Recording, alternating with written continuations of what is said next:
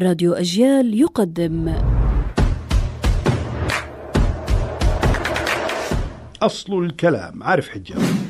نقول أشكر خبر يعني بكل وضوح. هذه كلمة تركية أشكيرة أو أشيكرة معناها في التركية واضح ولها أصل فارسي. نقول بديش وهذه عربية. فكلمة بدي أصلها بودي وأضيفت إليها شين النفي وشين النفي أتت من لا شيء. وتقول للرجل في جنوب الضفة الغربية بدك وبدكش وفي يافا بدك وبدكاش.